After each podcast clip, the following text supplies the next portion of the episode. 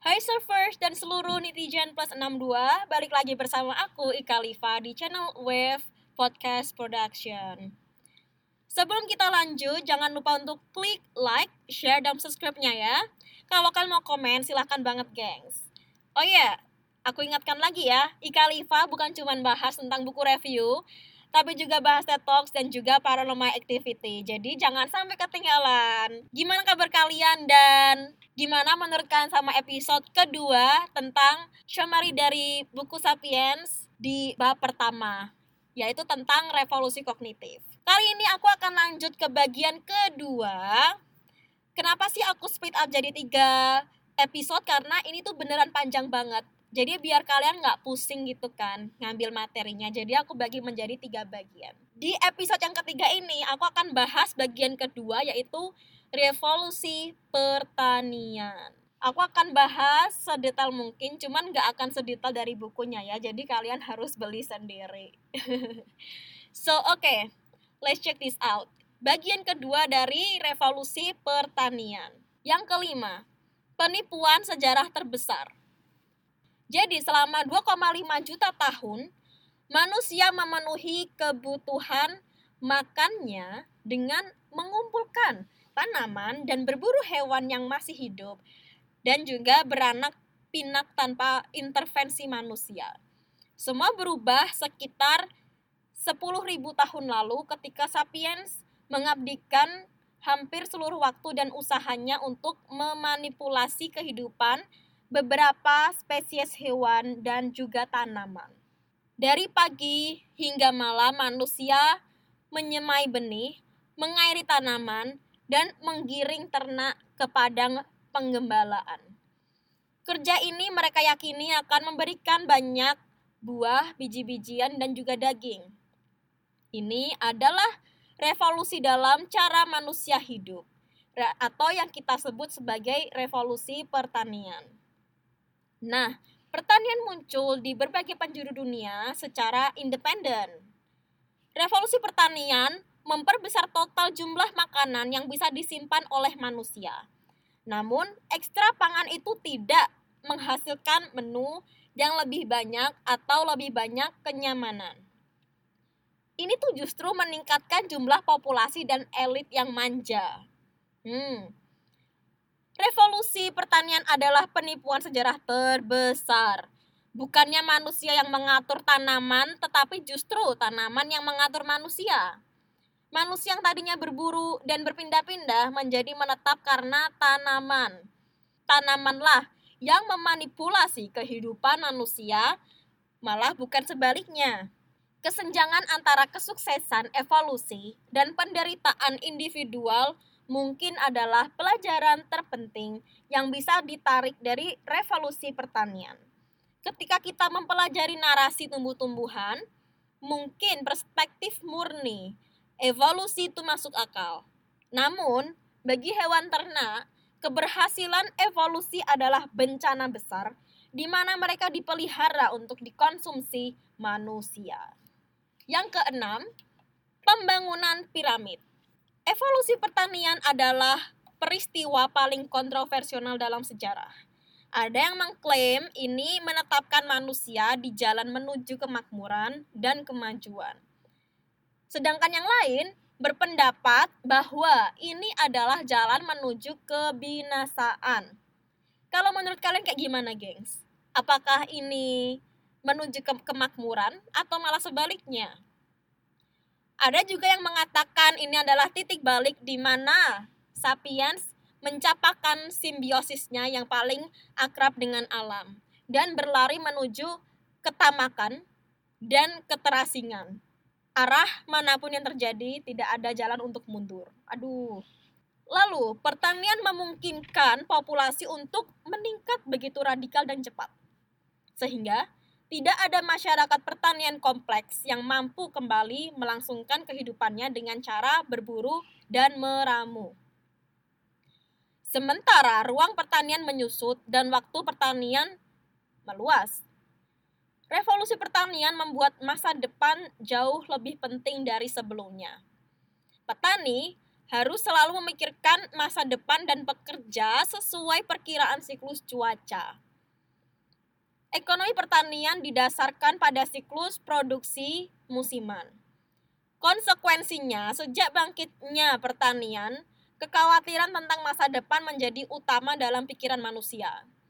Kecemasan petani ke masa depan bukan cuma soal panen, tetapi juga bahwa mereka bisa melakukan sesuatu seperti membuat saluran irigasi, membuka ladang baru, dan sebenarnya tekanan ini menjadi landasan bagi lahirnya sistem sosial dan politik berskala besar. Surplus pangan yang diproduksi petani digabungkan dengan teknologi transportasi baru. Akhirnya, memungkinkan makin banyak orang berkumpul dalam desa, kota kecil, kota besar yang bergabung dalam menjadi sebuah kerajaan baru dan jejaring perdagangan. Lalu untuk menyatukan orang yang begitu banyak sampai puluhan juta, kini tidak cukup lagi dengan naluri biologis. Otak tunggal manusia nggak sanggup menampung dan memproses seluruh informasi yang dibutuhkan waktu itu. Penyatuan yang dilakukan dengan penciptaan mitos bersama seperti aturan hukum, kepercayaan, agama, ideologi, demokrasi, kapitalisme, dan sebagainya. Itu adalah cara untuk melakukan penyatuan. Yang ketujuh, memori yang luber. Manusia dalam jumlah yang sangat besar disatukan lewat imajinasi yang sama.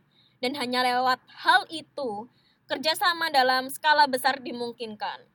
Kerajaan, negara, gereja, dan jejaring perdagangan bisa ada karena kerjasama manusia lewat imajinasi mereka. Tekanan evolusi membuat otak manusia menyesuaikan diri untuk menyimpan banyak informasi tentang alam dan sosial. Namun, ketika masyarakat yang kompleks muncul menjelang revolusi pertanian, ada jenis baru data yang vital seperti angka. Seperti contohnya data populasi, hutang, jual beli, pajak, dan lain sebagainya. Nah, otak manusia nggak sanggup menghimpun data angka yang sangat begitu besar sehingga mereka akhirnya menemukan cara menyimpan data di luar otak. Penyimpanan dan pemrosesan data di luar otak itu dinamakan penulisan. Menulis adalah metode penyimpanan informasi lewat tanda-tanda material. Awalnya ini terbatas untuk fakta dan angka. Aksara parsial tidak bisa mengekspresikan seluruh spektrum bahasa percakapan. Namun, secara bertahap, lalu tercipta aksara penuh yang bisa mengerjakan tugas baru. Seperti contohnya, menulis puisi, kitab suci, sejarah, drama, dan aksara matematika memberi jalan bagi munculnya sistem penulisan yang lebih revolusioner, yakni aksara binari terkomputerisasi. Yang kedelapan, kita akan membahas tentang tidak ada keadilan dalam sejarah. Munculnya jejaring-jejaring massa bagi banyak pihak adalah rahmat yang menimbulkan keraguan. Tatanan terbayang yang mempelihara jejaring-jejaring ini ternyata tidaklah netral atau adil. Mereka seolah membagi orang ke dalam kelompok-kelompok yang diatur dalam hierarki. Bagian atas menikmati keistimewaan dan kekuasaan, sedangkan di bagian bawah menderita diskriminasi sampai penindasan. Berbeda antara orang bebas dan budak, antara kulit hitam atau putih, antara kaya dan miskin, berakar pada fiksi. Perbedaan derajat antara perempuan atau feminim dan laki-laki atau maskulin juga berakar dari fiksi. Walaupun begitu, setiap hierarki terbayang mengingkari asal-usul fiksinya dan mengklaim bahwa keberadaan bersifat alamiah dan tak terhindarkan. Semua masyarakat didasarkan pada hierarki-hierarki terbayang, namun tidak harus dengan hierarki yang sama. Masyarakat tradisional India mengklarifikasi orang berdasarkan kasta. Masyarakat Ottoman berdasarkan agama dan masyarakat Amerika berdasarkan ras. Hierarki menjalankan fungsi penting. Mereka memungkinkan orang asing untuk mengetahui bagaimana cara memperlakukan satu sama lain tanpa banyak membuang waktu dan energi yang dibutuhkan untuk menjadi terlibat secara personal. Oke, next kita ke bagian chapter ketiga yaitu uh, penyatuan manusia. Bagian tiga dari buku Sapiens. Ini bagian kedua dan ketiga aku jadiin satu karena nggak begitu banyak. Aku akan split menjadi tiga episode. Yang episode kedua itu ngebahas tentang chapter pertama atau bagian pertama. Lalu yang episode ketiga aku akan mix bagian kedua dan juga bagian ketiga. Dan di chapter 4 aku akan ngebahas di bagian terakhir dari buku Sapiens. Oke, kita lanjut aja langsung ke bagian ketiga, yaitu penyatuan manusia. Ke nomor yang sembilan yaitu panah sejarah. Sesudah revolusi pertanian, masyarakat manusia tumbuh lebih besar dan lebih kompleks. Sedangkan konstruksi terbayang yang memelihara tatanan sosial juga meluas.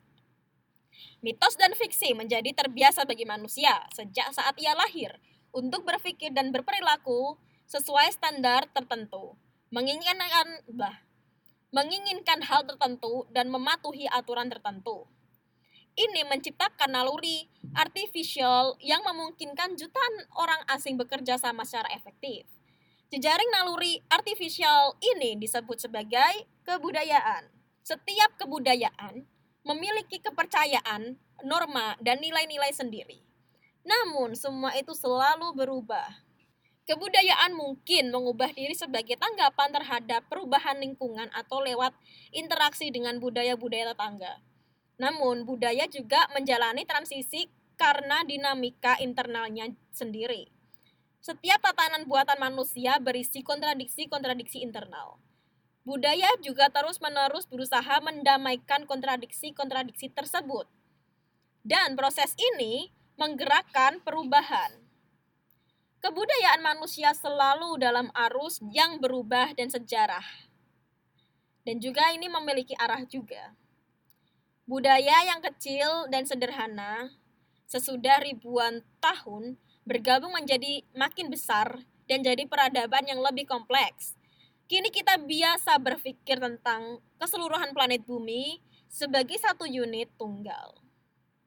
Budaya dunia tunggal ini nggak homogen, seperti tubuh organik tunggal yang berisi banyak macam organ dan sel. Budaya dunia tunggal kita juga berisi banyak jenis gaya hidup dan orang yang berbeda. Mereka terhubung erat dan saling mempengaruhi dalam banyak cara. Nomor 10, bau uang. Selama 3000 tahun terakhir, manusia melakukan usaha-usaha lebih ambisius untuk mewujudkan visi global. Ada tiga hal yang menjadi landasan bagi dunia bersatu kita sekarang ini, yakni uang, imperium, dan agama universal. Awalnya, ekonomi manusia menggunakan kewajiban saling bantu dan sistem barter. Namun, saling bantu hanya cocok untuk kelompok kecil, sedangkan barter hanya efektif untuk pertukaran produk yang cakupannya hanya terbatas. Yang nggak bisa menjadi basis bagi ekonomi yang sangat kompleks. Uang diciptakan banyak kali di banyak tempat. Perkembangannya murni merupakan revolusi mental. Ia melibatkan realitas intersubjektif yang eksis semata-mata dalam imajinasi manusia. Uang tidak harus berarti koin atau uang kertas. Uang adalah segala sesuatu yang orang bersedia menggunakannya untuk secara sistematis mewakili nilai dari hal-hal lain untuk bertukar barang dan jasa. Uang memungkinkan orang secara mudah dan cepat membandingkan nilai dan komoditi-komoditi yang berbeda. Maka uang menjadi medium universal untuk pertukaran yang memungkinkan orang mengkonversikan hampir segala sesuatu yang lain. Tanpa uang, jejaring komersial dan pasar akan tetap terbatas, cakupan, kompleksitas, dan dinamismenya. Selama ribuan tahun, para filsuf menjelekkan uang sebagai akar kejahatan. Meski begitu, uang adalah puncak toleransi manusia. Uang adalah satu-satunya sistem kepercayaan yang diciptakan manusia yang bisa menjembatani hampir seluruh kesenjangan kultural. Dan ia tidak membeda-bedakan berdasarkan agama, gender, ras, usia, atau orientasi seksual. Next, kita ke bab 11, yaitu visi-visi imperial. Imperium adalah tatanan politik dengan dua ciri penting.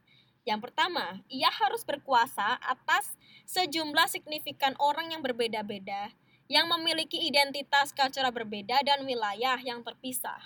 Yang kedua, imperium memiliki perbatasan yang luas dan cita rasa yang secara potensial tak terbatas. Ia dapat mencaplok lebih banyak bangsa dan wilayah tanpa mengubah struktur dasar atau identitasnya.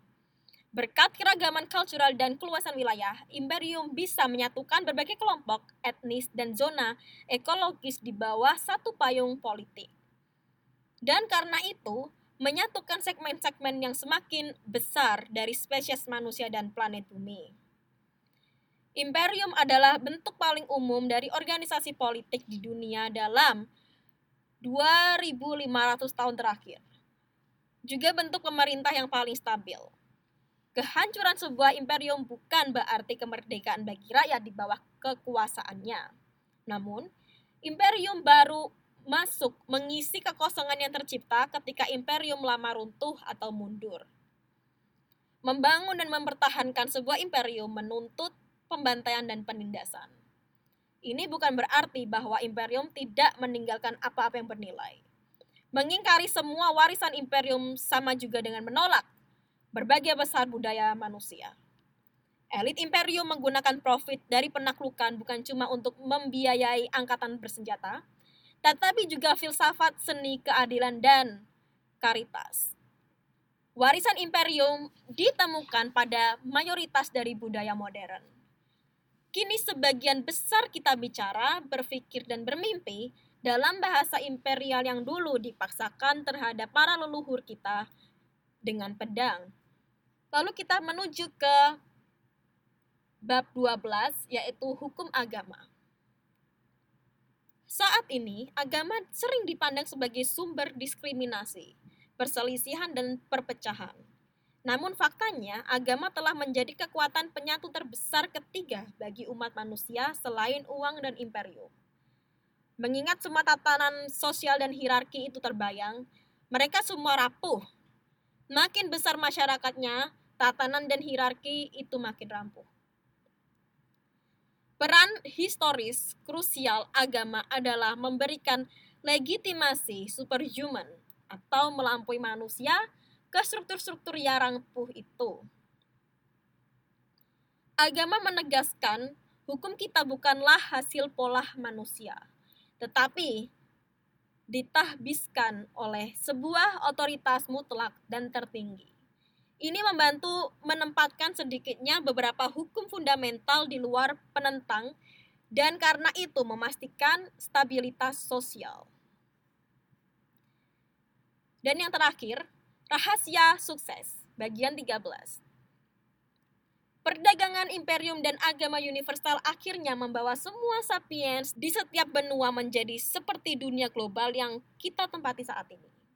Tidak semua proses ekspansi dan penyatuan ini berjalan linear tanpa interupsi. Walau begitu, dilihat dari skala besar, transisi dari banyak budaya kecil menjadi sedikit budaya besar dan akhirnya menjadi masyarakat global tunggal, mungkin tidak terhindarkan dari dinamika sejarah manusia. Namun, mengatakan bahwa terbentuknya masyarakat global tak terhindarkan tidak sama dengan mengatakan bahwa hasil akhirnya harus seperti bentuk masyarakat global kita sekarang. Kita dapat membayangkan hasil akhir yang berbeda, tapi tidak bisa bereksperimen dengan mundur ke masa lalu. Namun kita juga bisa menguji dua ciri krusial sejarah yang bisa memberikan tanda-tanda. Pertama, setiap titik dalam sejarah adalah persimpangan. Ada satu jalan yang sudah dilalui oleh masa lalu ke masa kini, tetapi banyak sekali cabang dari kini ke masa depan. Sejarawan bisa berekspekulasi, tetapi tidak bisa menentukan masa depan. Sejarah tidak bisa dijelaskan secara deterministik dan tidak bisa diprediksi karena bersifat sengkarut atau chaos. Yang kedua, kita tidak bisa menjelaskan pilihan-pilihan yang dibuat sejarah, namun kita bisa mengatakan sesuatu yang sangat penting. Pilihan-pilihan sejarah tidak dibuat untuk kemanfaatan manusia, tidak ada bukti bahwa kesejahteraan manusia secara tak terhindarkan meningkat di sepanjang sejarahnya. Oke gengs, itu tadi dari episode ketiga dari buku Sapiens. Oh ya, sebelum itu jangan lupa untuk klik like, share, dan subscribe-nya. Kalau kalian mau komen, silahkan banget. Dan satu kali lagi aku ingatkan, Ikali Ipa ini bukan cuma bahas tentang buku review, tapi juga bahas TED Talks dan juga paranormal activity juga, gengs. Untuk episode selanjutnya, di episode keempat, kita akan tetap bahas buku Sapiens ini. Di bagian terakhir, yaitu chapter 4-nya. Maka dari itu, supaya kalian enggak lupa, subscribe channel aku ya, biar untuk biar kalian tuh bisa update ke episode yang selanjutnya. Jadi, see you in the next episode.